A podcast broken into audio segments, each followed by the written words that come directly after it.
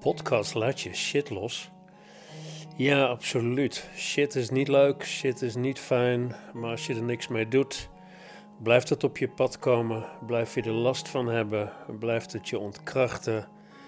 Uh, dus ik ga je in deze podcastserie tips en handvatten aanreiken om met je shit aan de slag te gaan.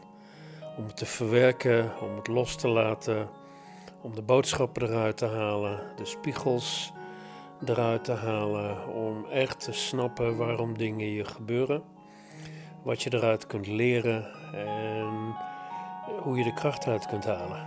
Mijn naam is Rob Derksen. Ik uh, kan je zeggen dat ik een ervaringsdeskundige ben uh, als het gaat om het opruimen van shit, de kracht uithalen en het los te laten.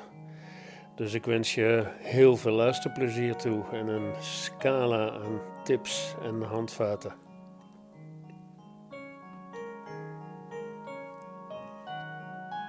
In deze aflevering van de podcast wil ik het uh, graag met je hebben over de invloed die de eerste 18 jaar hebben gehad op, uh, op ons, op wie we zijn, op wie we neerzetten uh, in ons volwassen leven. En eigenlijk zeg ik het verkeerd, niet de invloed op ons zijn, want dat zijn is in onze kern eigenlijk al bepaald, maar de invloed of dat we de invloed van de jeugd of dat we ons zijn ook daadwerkelijk kunnen, kunnen beleven, kunnen neerzetten.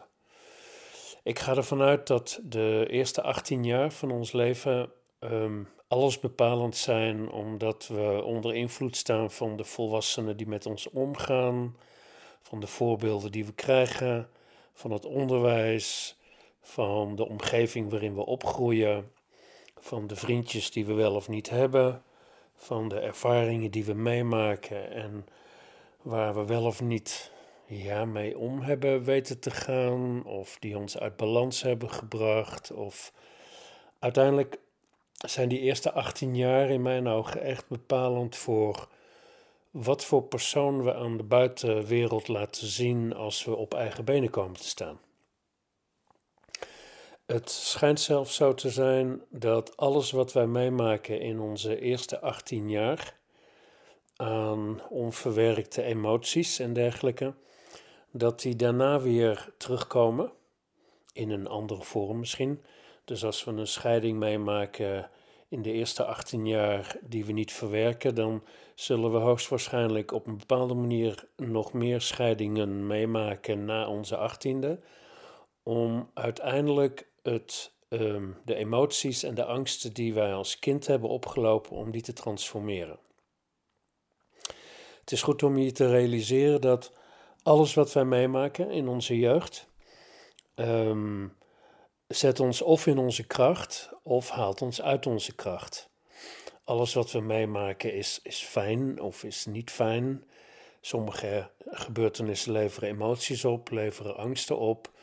En al die opgelopen emoties en angsten, die laten, zoals ik dat noem, een innerlijk kind in ons achter. Dus um, stel, jij maakt op je zesde leeftijd iets mee, um, wat niet verwerkt wordt dan blijft er een verwond innerlijk kind achter in ons, die eigenlijk tot het moment dat we gaan verwerken, dat wat echt iets anders is als een plekje geven, maar dat is voor een andere podcast.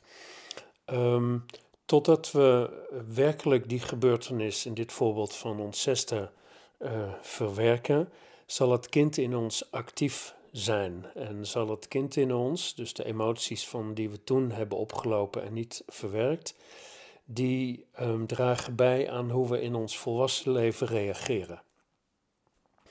Het is echt heel opvallend om te zien dat het maakt eigenlijk niet uit hoe oud je bent. Um, emoties die niet verwerkt zijn, die spelen mee tot, tot, ja, eigenlijk tot aan je dood, zou ik bijna zeggen. Als ik naar mijn moeder kijk, die heeft uh, in een kamp gezeten toen ze kind was. Dat heeft ze nooit kunnen verwerken. Um, met alle begrip en respect uiteraard. Maar die kamptijd heeft eigenlijk tot aan haar dood heel veel facetten van haar leven bepaald. Hoe ze reageerde, hoe ze omging met anderen, hoe ze omging met ons, maar ook hoe ze omging met zichzelf. Dus die eerste 18 jaar um, is echt heel belangrijk om daar vroeg of laat naartoe terug te gaan. Um, om in verwerking te gaan komen. Uh, en om, ja, zoals ik dat noem, het innerlijke kind in ons op te pakken en te gaan helen. Als kind heb je, hebben we een aantal basisbehoeftes nodig. En ik zal ze, ik zal ze oplezen. Um, de behoeftes die we nodig hebben van van je vader, van je moeder, van het onderwijs, van de mensen om je heen. Um, en die basisbehoeftes, die bepalen eigenlijk of dat we onszelf, onze kracht en ons zelfbeeld wel of niet kunnen neerzetten. Nou, de basisbehoeftes die een kind nodig heeft um, zijn zorg, aandacht, vertrouwen, begrip, acceptatie, respect, bewondering, erkenning, waardering, bevestiging, goedkeuring, geruststelling, aanmoediging en veiligheid. Eigenlijk opgeteld zijn deze basisbehoeften, kun je zeggen, dat is een vorm van onvoorwaardelijke liefde. Um, nou hebben we die basisbehoeftes, die hebben we, die hebben we nodig van, van iedereen om ons heen die een bepalende invloed hebben op ons.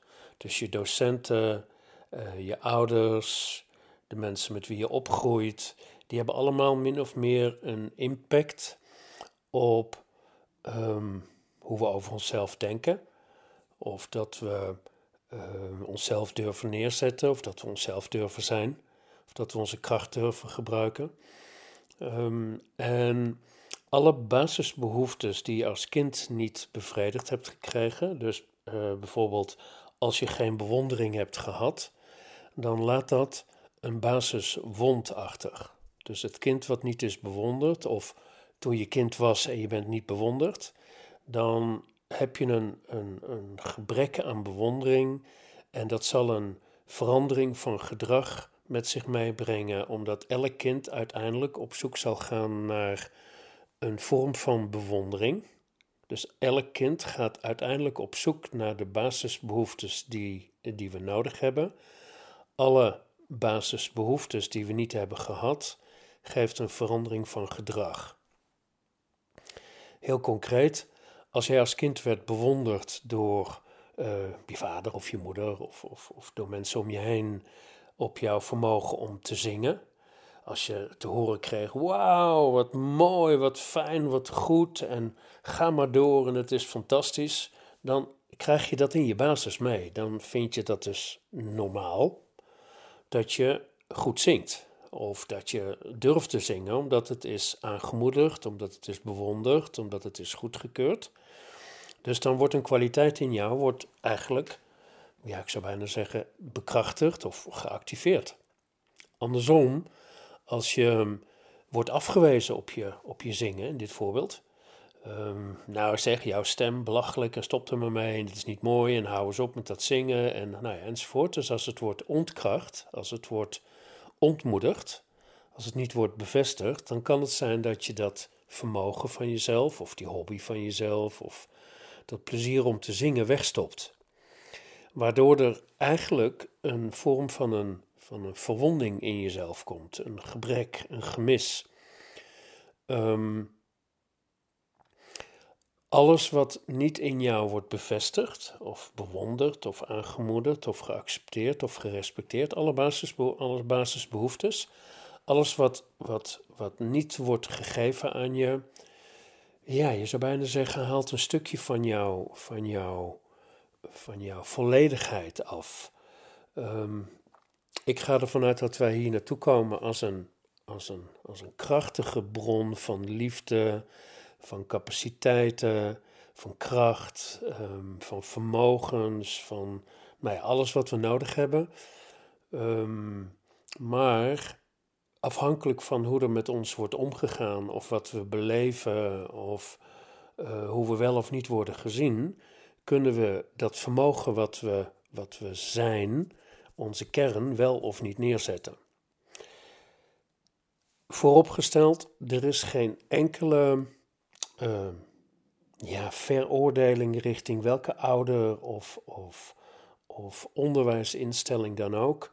Het is zoals het is. Niet alles is fijn wat we meemaken. Maar uiteindelijk is het beter om bevestigd te worden dan om niet bevestigd te worden. Het is eigenlijk een beetje een raar antwoord, want ja, het is eigenlijk net zo goed. Uiteindelijk leren we net zoveel van het feit dat we wel bevestigd worden, als Ehm, als we niet bevestigd worden. Alleen natuurlijk levert het een een ander pad op dan het ander. Ik hoop dat je snapt wat ik daarmee bedoel. Ehm, als ik naar mezelf kijk, uh, ik, ik, pak, ik pak er een basisbehoefte uit. Ik heb echt een vorm van erkenning gemist. Ik had niet het gevoel dat mijn vader en mijn moeder mij erkenden voor wie ik was, erkenden voor wat ik, voor wat ik kon, uh, mijn slimheid werd niet erkend, mijn, mijn visie werd niet erkend, nou ja, enzovoort, enzovoort. Waardoor ik eigenlijk als jongetje steeds onzekerder werd. Ik, ik verdween nou, eigenlijk steeds meer in de knop in plaats van dat ik in bloei kwam. Omdat ik het gevoel had als kind dat ik niet werd gezien, niet werd erkend, niet werd bewonderd, uh, dat ik werd afgekeurd, waardoor ik steeds verder af kwam te staan van wie ik in mijn wezen ben. Um, waardoor ik toen ik het, uh, um, de wijde wereld inging, toen ik op eigen benen ging staan, had ik daar natuurlijk overal last van. Ik voelde me overal onzeker. Um, ik vroeg me onbewust overal af: is het wel oké wat ik doe? Kan ik het wel wat ik wil gaan doen? Uh, vinden, ze me wel, vinden ze me wel leuk? en dat komt eigenlijk omdat de periode toen ik kind was, er van alle, allerlei kanten mij het gevoel werd gegeven dat ik niet oké was. Dus de basisbehoeftes um, die ik niet heb gekregen, lieten een verwond uh, kind in mij achter, waardoor ik me als volwassene niet kon neerzetten zoals ik me nu bijvoorbeeld neerzet. En dat is echt iets wat we ons moeten realiseren dat wat we na onze achttiende aan de buitenwereld laten zien, hoeft niet per se de persoon te zijn die jij diep van binnen werkelijk bent. Alles wat jij doet in jouw volwassen leven is gebaseerd op de invloeden die wij hebben meegekregen in onze jeugd. Wow, laat die even binnenkomen, want dit is echt een heftige. Onze ouders bijvoorbeeld, zijn de twee personen die ons onze waarden en normen meegeven. Zij leren ons hoe ze, um, hoe ze over geld denken, hoe ze over vriendschappen denken, hoe ze over eten denken, hoe ze over boodschappen doen denken, hoe ze over een baan denken, hoe ze over zichzelf denken, um, hoe ze over kleding denken, nou ja, enzovoort, enzovoort, enzovoort, enzovoort. Ik geef expres zoveel voorbeelden, omdat toen ik me dit zelf ben gaan realiseren, dacht ik, jeetje, wow, die invloed van, van onze ouders zit in alles wat we doen. En ik moest me daar vorige week, moest ik me daar weer eigenlijk om lachen, ik betrapte me erop. Mijn moeder had een rare gewoonte, vond ik, toen als kind, dat al haar handdoeken en theedoeken en nou ja, alles wat in haar kast lag moest echt perfect, perfect, perfect op de juiste manier zijn gevouwen.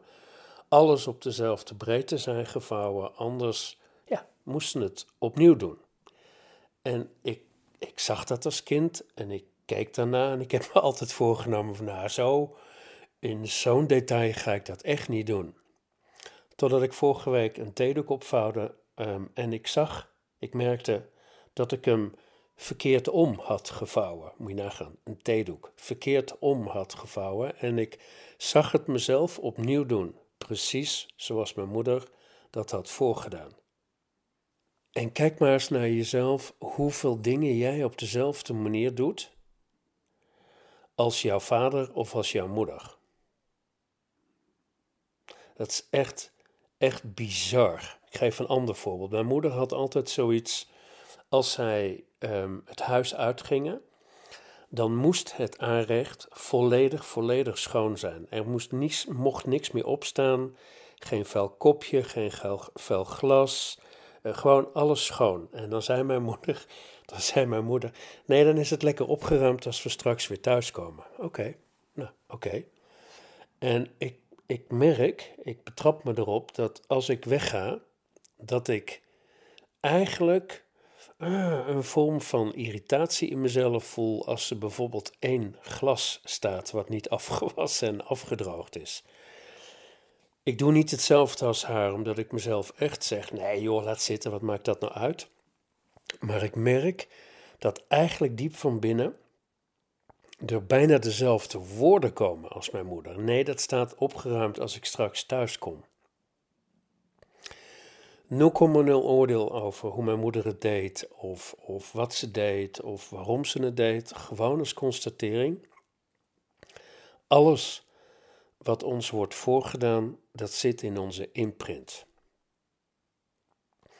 Tussen je derde en je achtste nemen we, ja, doen we eigenlijk alles na wat een volwassene ons, ons voordoet. Dus de manier waarop we dingen opruimen, de manier waarop we dingen neerleggen, de manier waarop we op vakantie gaan. Gewoon, gewoon alles. Alles, alles, alles, alles, alles. En we kunnen pas dingen anders gaan doen, als we dat zouden willen, als we ons er bewust van zijn dat we het op die manier doen. Dus ik kan pas anders met dat opruimen van mijn aanrechten omgaan um, op het moment dat ik doorheb dat ik het op dezelfde manier doe als dat me is voorgedaan. Onze ouders geven ons bijvoorbeeld ook de, de, de norm mee uh, ten aanzien van geld. En die wil ik hier, hier wel aanhalen, want het was voor mijzelf een hele allesbepalende. Ik had in mijn ogen het gevoel dat bij mijn ouders alles draaide om geld. En nogmaals, geen verwijt, gewoon constatering. Voor hen was het belangrijk dat je geld had, dat je geld verdiende. Wat natuurlijk logisch is, maar de overtuiging die er bij hun op zat, is dat je telt pas mee als je geld hebt. Je hebt het pas goed gedaan als je geld hebt. Maar ook, je doet niet mee, je hebt geen recht van spreken als je arm bent, als je geen geld hebt. Dan heb je het niet goed gedaan dan ben je waardeloos. Wauw. Dus zij hadden in hun systeem, en dat hebben ze dus ook overgedragen aan ons, zij hadden in hun systeem de overtuiging: je bent pas oké, je bent pas geslaagd als je geld hebt, als je bezittingen hebt, als je een goede baan hebt, um, als je gestudeerd hebt, dan pas ben je oké die overtuiging die zij hadden, die zat, en misschien zelfs ook nog wel zit, ook in de, in de basis van mezelf. En dat realiseerde ik me echt donders goed toen ik een aantal jaar geleden uh, mijn huis uit moest omdat ik geen geld meer had. Dus ik kwam dakloos of thuisloos. Ik had wel een dak boven mijn hoofd, maar ik had geen thuis meer. En ik betrapte me erop dat er een overtuiging naar boven kwam dat ik mezelf hoorde zeggen: Ik heb gefaald. Je hebt het waardeloos gedaan. Je hebt nu geen waarde meer. Je telt niet meer mee. Allemaal bijna letterlijk de zinnen die mijn vader tussen neus en lippen door, en mijn moeder ook, maar uh, dit kwam vooral van mijn vader af. Um, ik, ik dacht dus letterlijk over mezelf hetzelfde als wat zij dachten over zichzelf en um, ons duidelijk maakten. Het is heel bizar. Ik was het er als kind niet mee eens dat zij er zo over dacht. Ik dacht altijd van, hè, maar dat maakt toch helemaal niet uit. Het is toch niet dat, um, dat iemand pas is geslaagd als je geld hebt. Dus ik was het daar helemaal niet mee eens. En toch um, had ik dat, die overtuiging gewoon meegenomen. Waarom? Uh, dat realiseer ik me nu, nu dat ik dit werk doe, dat komt omdat je als kind gewoon alles nadoet. Je neemt over wat zij jou zeggen. Als zij jou zeggen, je bent pas oké als je gestudeerd hebt, dan wordt dat een overtuiging in je. Dus ik, ben, ik moet gaan studeren, want anders ben ik niet oké. Ik moet een goede baan hebben, want anders ben ik niet geslaagd. Ik, als ik geen geld heb, dan tel ik niet mee. Dan, dan heb ik gefaald. Dan hoor ik er niet bij. Wow, dat zijn heftige overtuigingen die nou, ten eerste natuurlijk ook helemaal niet kloppen. En ten tweede een enorm impact hebben op ehm, waarom je de dingen doet zoals je ze doet. Vanaf tot het moment dat ik burn-out ging, op mijn veertigste ongeveer, ben ik, heb ik eigenlijk gewoon ja, klakkeloos niet gedaan wat mijn vader zei, maar wel ben ik klakkeloos de, de, de waarden en normen gaan opvolgen die mijn vader mij had ingeprint. Uh, ik ben gaan leven zoals, zoals hij vond dat ik moest leven. Niet dat hij mij zei wat ik moest doen, maar door zijn waarden en normen, door zijn, door zijn visie op, op geld bijvoorbeeld of op een baan, um, ben ik ook op die manier gaan denken over geld. En over een baan en over werk en over hoe ik met mijn leven omging. Toen ik eenmaal burn-out ging en dus alles aan het licht kwam, uh, beetje bij beetje, wat uit balans was in me, kwam dus ook uit balans in me wie ik van binnen was. En werd ik geconfronteerd met het feit dat ik zoveel basisbehoeftes niet had gehad. Als ik bijvoorbeeld naar het stukje erkenning kreeg, of bewondering, dan als ik er nu op terugkijk, dan heb ik mijn hele professionele leven um, de dingen gedaan met ergens in de onderstroom de behoefte om gezien te worden, erkend te worden, bewonderd te worden. Dus ik ben heel erg streberig geworden in mijn gedrag. Echt over mijn eigen grenzen heen gaan pleasen. Um, mensen uh, ja, helemaal gaan geven wat ze nodig hadden. Ik ben me gaan uitsloven. Uh, nou ja, allemaal, allemaal uh, kanten van mezelf, van mijn gedrag die ik toen had, die eigenlijk gebaseerd waren, waren op het gebrek aan bewondering en erkenning en, en nou ja, enzovoort enzovoort. En dat is belangrijk dat je jezelf dat gaat realiseren. Waarom doe ik de dingen op de manier zoals ik ze doe? Zonder oordeel, zonder, zonder um, boosheid, maar wel vanuit constatering. Oh, de reden waarom ik 60 uur in de week werk, of 80 uur in de week werk, is misschien omdat ik de overtuiging heb dat ik uh, moet doen wat de ander mij zegt. Of misschien heb ik de overtuiging dat ik ben pas oké als. En dat zijn natuurlijk ongelooflijke belangrijke inzichten die je nodig hebt om tot bloei te komen, om tot zelfontwikkeling te komen, om eigenlijk de persoon te worden die je van binnen, die je van binnen al bent. Dus de invloed die, jou, die onze ouders op ons hebben, is ja, allesomvattend. Ze geven onze waarden en normen, ze geven onze, onze uh, manier van dingen doen, um, hoe, we, hoe we met vrienden omgaan. Uh, maar wat ze ook doen, is ze geven onbewust ook door hoe zij met emoties omgaan.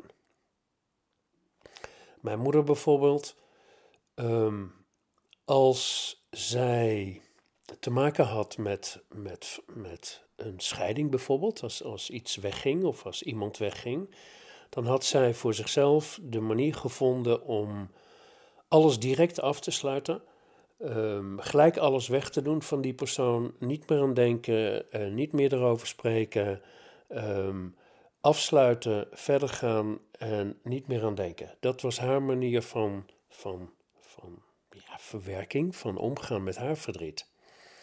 Ik weet nog goed, toen mijn eerste relatie uitging, haar reactie was: joh, gewoon alles gelijk wegdoen, foto's weggooien, nummer wegdoen, nooit meer bellen, nooit meer zien, dan ben je er het snelste vanaf.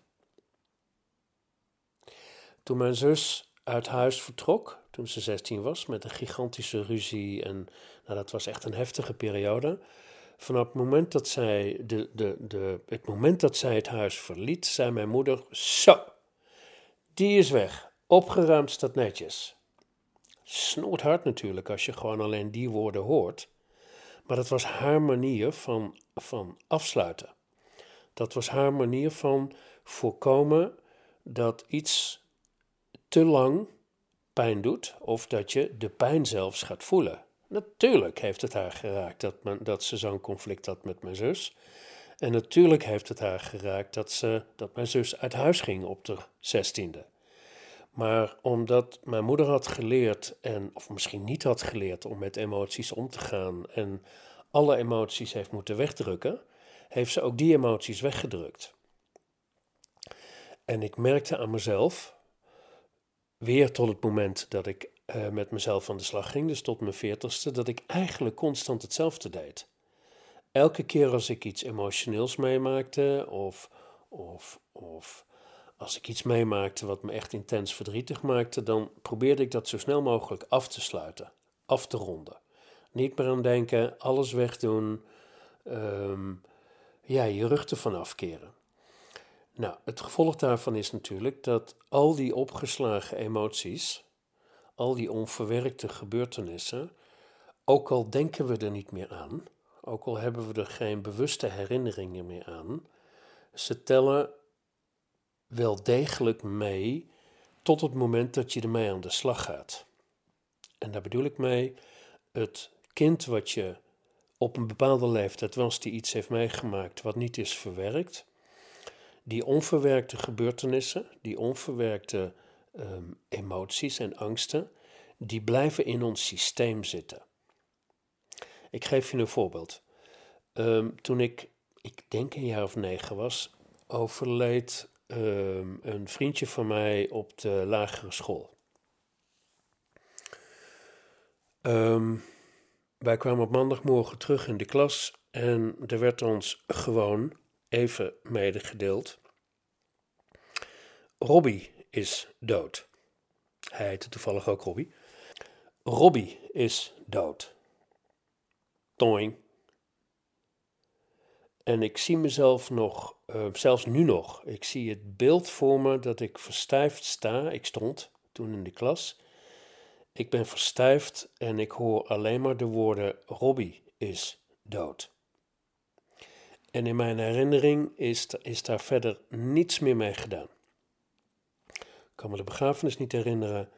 Ik kan me er sowieso niet over herinneren dat er over is gesproken. Ik weet sowieso dat er thuis niet over is gesproken. Um, want ook daar weer, mijn moeder, ik weet eigenlijk niet waarom mijn vader daar niks mee heeft gedaan, maar mijn moeder die had natuurlijk niet meer over praten.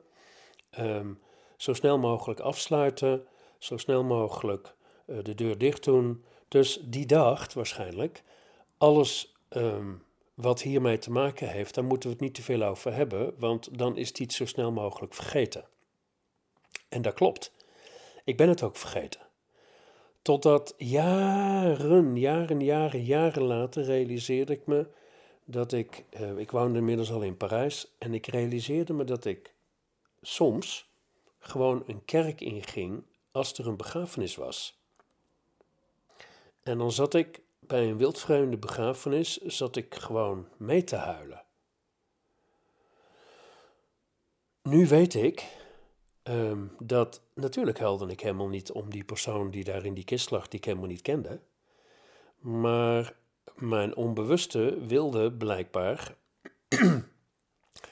um, dat dit, het overlijden van, van, van die Robbie, dat dat verwerkt ging worden. Want het had een enorme impact op me. En ik zie nu, nu dat ik jarenlang een pad van zelfontwikkeling heb gelopen, ik zie nu dat die gebeurtenis, toen ik negen was, onder andere heeft veroorzaakt dat ik het moeilijk vond, vind zelfs soms, om echte verbindingen aan te gaan. Want ik had toen de overtuiging geïnstalleerd: mensen gaan vroeg of laat weg. Ze overlijden in één keer, ze zijn in één keer weg. Uh, en dat doet zoveel zeer dat je je beter maar niet kunt verbinden meer. dat, dat was natuurlijk een uit balans zijnde um, overtuiging en een uit balans zijnd gedrag. Maar wel hartstikke begrijpelijk voor, ehm, voor mij en hartstikke begrijpelijk um, uh, gezien de omstandigheid waaruit dit was voortgekomen.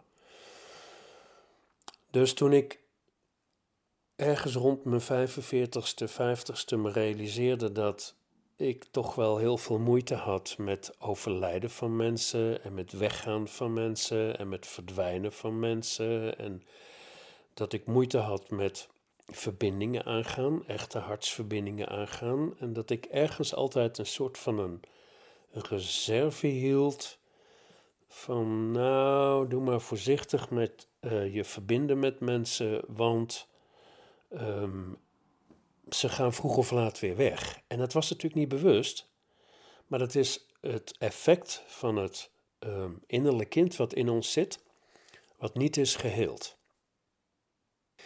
Nou, zo hebben we natuurlijk ja, honderden, duizenden um, gebeurtenissen uit ons verleden, die toen emoties hebben, hebben opgeleverd, die we niet hebben kunnen verwerken en waardoor wij als volwassenen uit balans, dus niet in onze volledige potentie of in onze volledige kracht, uh, doen handelen.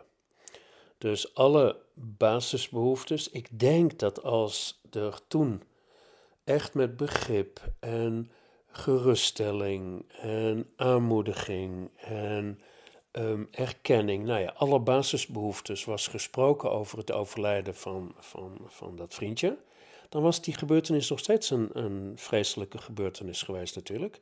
En dan had het nog steeds een emotioneel beladen gebeurtenis geweest, maar dan had je kans dat het, op een bepaalde manier um, al een deel verwerkt zou zijn geweest. En dat betekent dat dat issue van, van mensen gaan toch dood of mensen gaan toch weg, dat dat misschien veel minder actueel was geweest in mijn leven. Geen oordeel erover, gewoon constatering. Um, ik heb er uiteindelijk veel van geleerd, ook al heeft het me lang uit balans gehouden, maar ik heb er veel van geleerd. En dat is de essentie in mijn ogen waarom we, waarom we terug moeten naar onze jeugd. Om gebeurtenissen op te halen die we niet hebben verwerkt. En laat ik toch maar wat zeggen over het verschil in mijn ogen tussen verwerken en een plekje geven. Ik had de, het overlijden van die Robbie, had ik hem een plekje gegeven. Mijn moeder had haar kamptijd, toen ze kind was, in de oorlog, had ze een plekje gegeven. Nou, je moet je voorstellen, een plekje geven, dat zie ik als stop de gebeurtenis in een doos, doe er een uh, elastiek omheen, een touw omheen en zet het weg in de kelder. Dan, dat zien we nooit meer, daaronder in die kelder, onder het stof op een gegeven moment. Ehm, eh, we weten niet eens meer dat het er staat, maar het staat er wel degelijk. Elke keer als we verhuizen, dan komt die doos weer naar boven en dan slepen we die ballast weer mee. Nou, zo is het in mijn ogen ook met al onze onverwerkte gebeurtenissen die we een plekje geven, dus die we niet verwerken. Alles wat we niet verwerken en een plekje geven, dat geeft een ballast. En die ballast die zorgt ervoor dat we um, steeds meer uit balans gaan reageren. Nou, wat is dan verwerken? Verwerken is die doos uit de kelder halen. Dus de gebeurtenis van het overlijden van die Robbie aan het licht laten komen. Jezelf alsnog de ruimte geven om te huilen of om boos te worden of andere emoties die ermee te maken hebben te uiten. Ehm, jezelf begrip te geven, jezelf te erkennen, jezelf goed te keuren, jezelf de ruimte te geven om eigenlijk alsnog, op welke leeftijd dan ook, ik heb dat geloof ik op mijn 45ste gedaan met deze gebeurtenis, alsnog de ruimte te geven om het kind wat we toen waren, en het innerlijke kind wat nu dan in, in mij zat op mijn 45ste, om die eruit te laten komen en zich te laten uiten. Verwerken is ook, wat heb ik eruit geleerd? Um, heb ik nog mensen te vergeven hierop? Kan ik het begrijpen waarom het zo is gedaan? Ehm, wat heeft het me uiteindelijk gebracht? Nou ja, enzovoort, enzovoort, enzovoort. Pas dan kan ik het loslaten. Als ik nu denk aan die gebeurtenis van het overlijden van Robbie, dan is dat gewoon een gebeurtenis. Het heeft 0,0 lading meer. Um, ik voel me er niet meer emotioneel onder.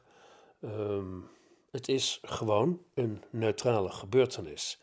En dat is het verschil. Dus, dus um, hij beïnvloedt mijn gedrag niet meer. En dat is waarom ik zo'n wezenlijk onderscheid maak tussen een plekje geven en iets verwerken.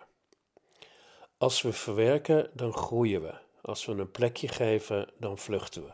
Beide is oké, maar het een levert je, levert je kracht en balans op. En dus het verwerken. En het andere, het een plekje geven van dingen, levert jou, ja, ik zou bijna zeggen, een bepaalde angst op. En een bepaalde, je, je moet onbewust wel zorgen dat je uit die um, emoties van die gebeurtenis blijft. Naast onze ouders en wat we meemaken met onze broers en zussen, uh, heeft school ook een enorme impact. Een echt een enorme impact. Uh, als ik naar mijn eigen, vooral lagere school kijk. En als ik, als ik nu zie hoeveel, hoeveel jongeren en kinderen in de praktijk komen die exact met dezelfde dingen rondlopen. Op school leren we eigenlijk vooral hoeveel dingen we fout hebben gedaan. Je hebt zoveel fouten.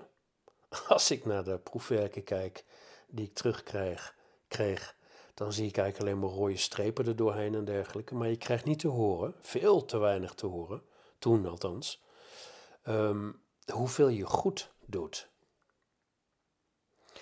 Ik weet nog hoe vaak ik te horen kreeg hoe dom ik was. Want dit hebben we nu al een paar keer uitgelegd. En ik snapte het niet. En ik was dus dom. Nou, zeg dat een aantal keren tegen een kind. Wat ben je dom? Wat ben je vervelend? Wat ben je druk? Wat ben je onhandelbaar? En het kind gaat dat dus gewoon overnemen. Ik ben dom. Ik ben onhandelbaar.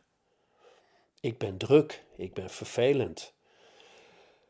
Nou, je kunt je voorstellen dat al die negatieve overtuigingen die vanuit het onderwijs ons ingeprint worden, wat voor impact dat hebben, wat die hebben op hoe wij over onszelf denken, hoe we onszelf neerzetten, um, of dat we nog zin hebben om te leren, ja of nee.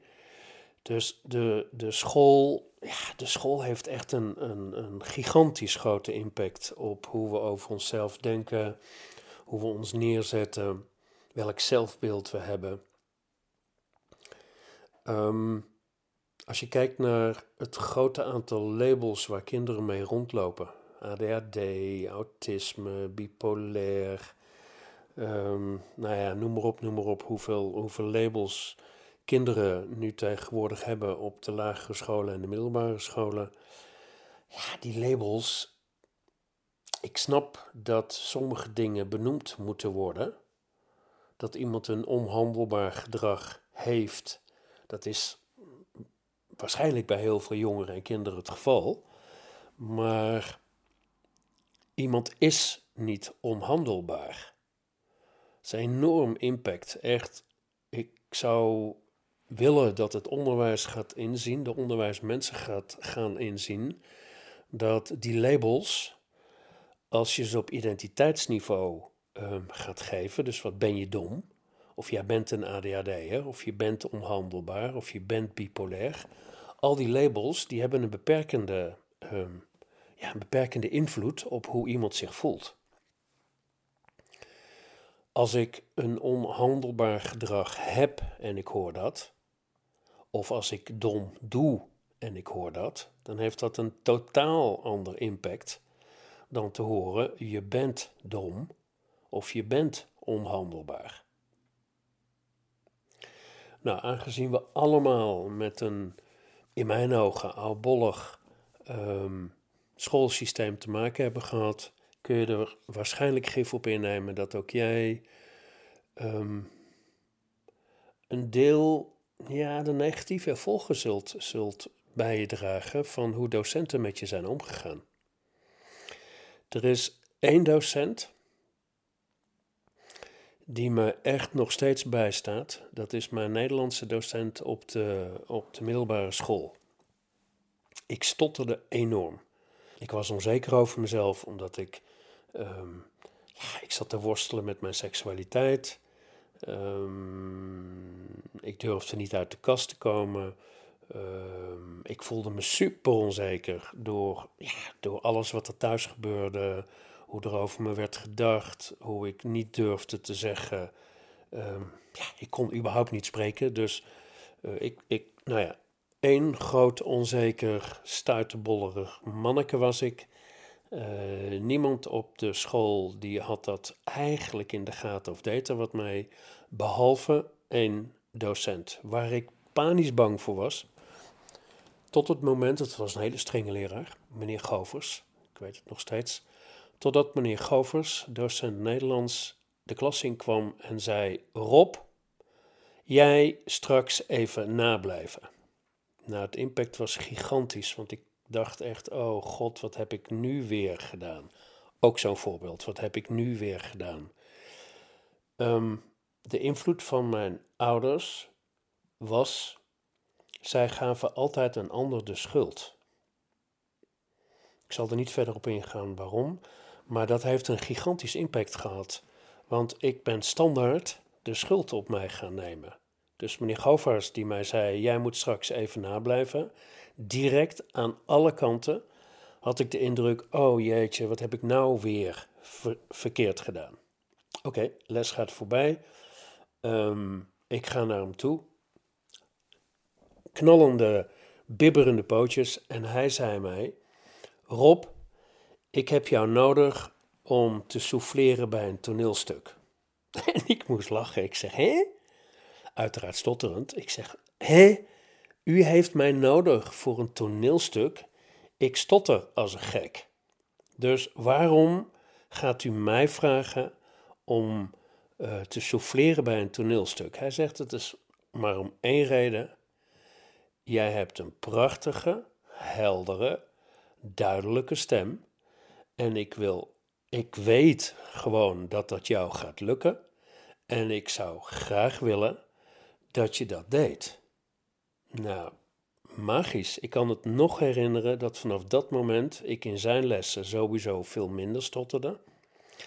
En bij alle repetities die we hadden waarin ik aan het souffleren was, um, de uitvoering waarin ik aan het souffleren was, heb ik bijna of niet gestotterd. Nou, wat wil dat zeggen?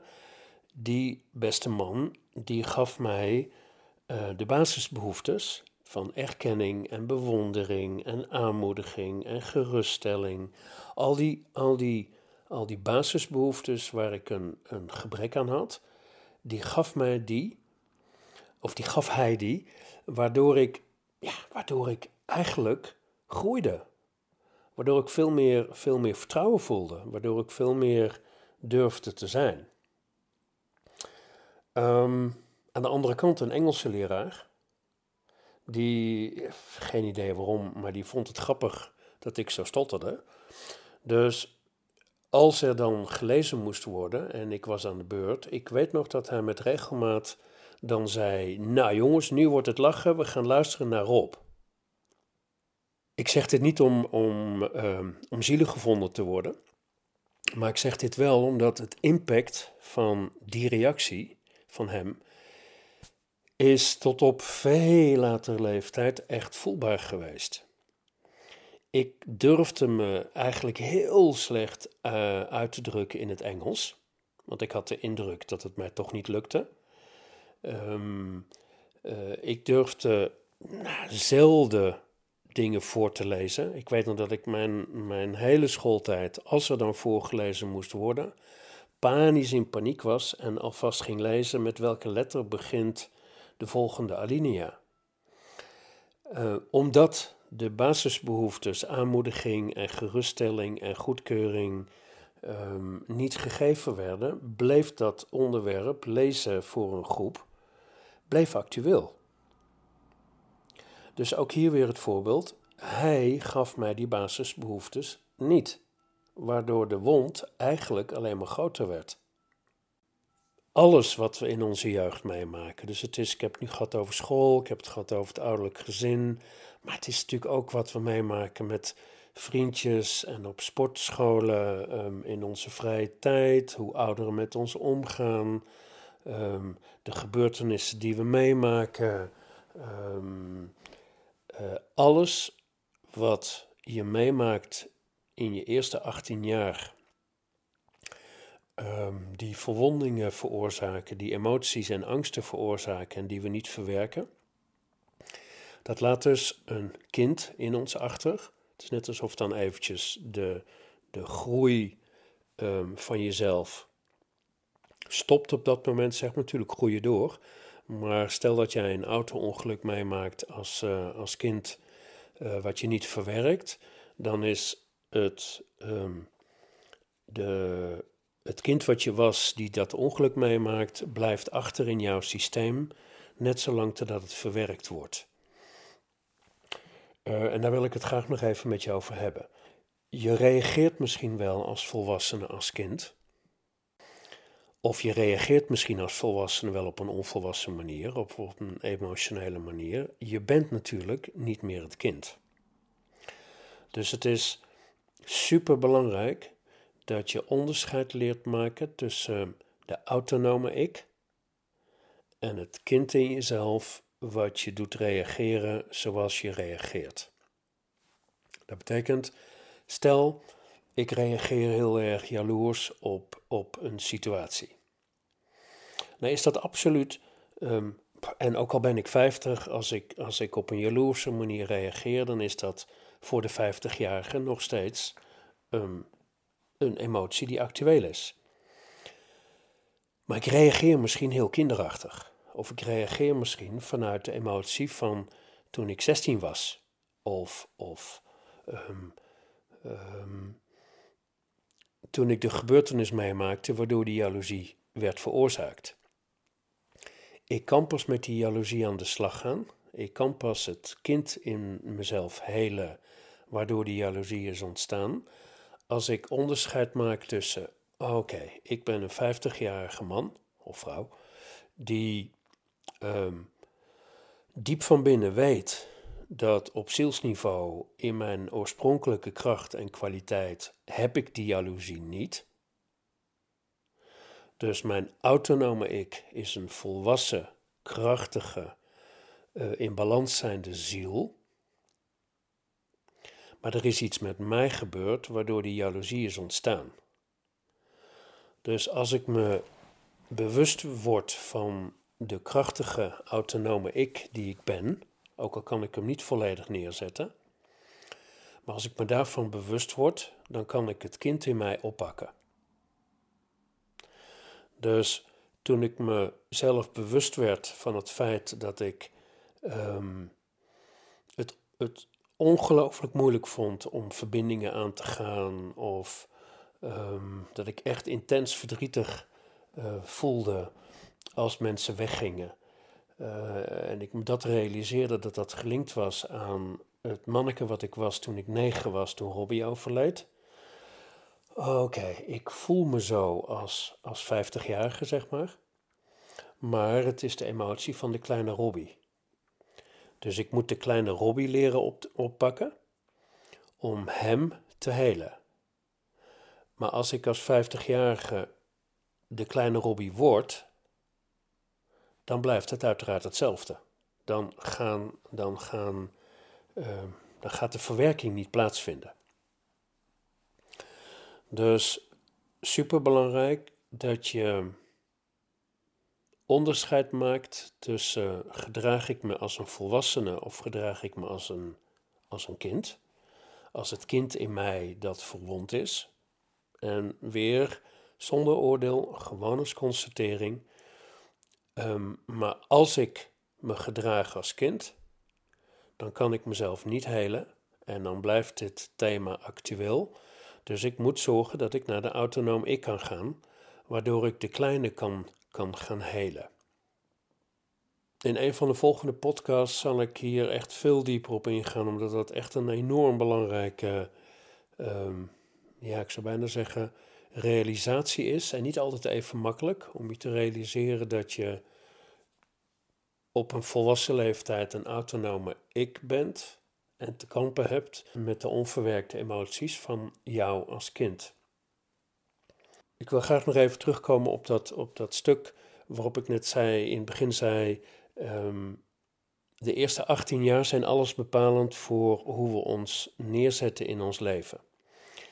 Het schijnt dat alles wat we um, voor die tijd meemaken, terugkomt na die tijd. Dus eigenlijk, geschiedenis herhaalt zich elke keer weer, net zolang totdat we de gebeurtenis van toen oppakken. En in ons helingsproces is het um, eigenlijk belangrijk dat we teruggaan naar de kindtijd. Om de oorsprong van een, van een disbalans of van een onzekerheid aan te pakken.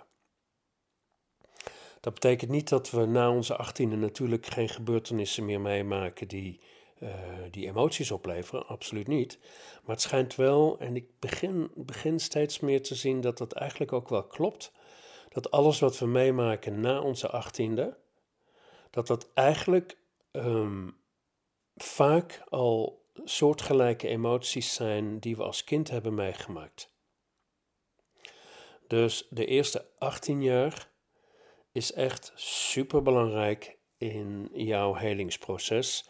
En ik nodig je echt uit om met het kind in jou, met jouw jeugdperiode, um, absoluut aan de slag te gaan. Mocht je er meer over willen weten, wat ik me kan voorstellen, want het is een, uh, het is een uh, veelomvattend onderwerp. Uh, in mijn boeken schrijf ik hier uitgebreid over. Ik heb twee boeken geschreven inmiddels. Bekijk ze eens als mensen en de overwinning.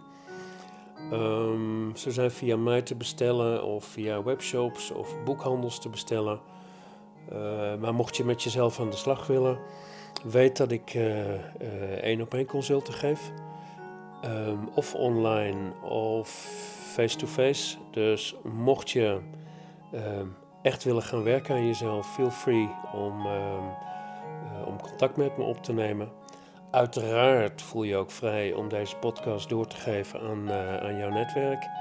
Ik streef er echt naar om zoveel mogelijk mensen te bereiken en zoveel mogelijk mensen in, in ontwikkeling te zetten. Ontwikkeling. Um, en te bekrachtigen, omdat deze wereld het echt nodig heeft dat mensen weer vanuit hun hart gaan leven. En volgens mij kunnen we alleen maar vanuit ons hart leven als ons hart niet meer zoveel pijn doet.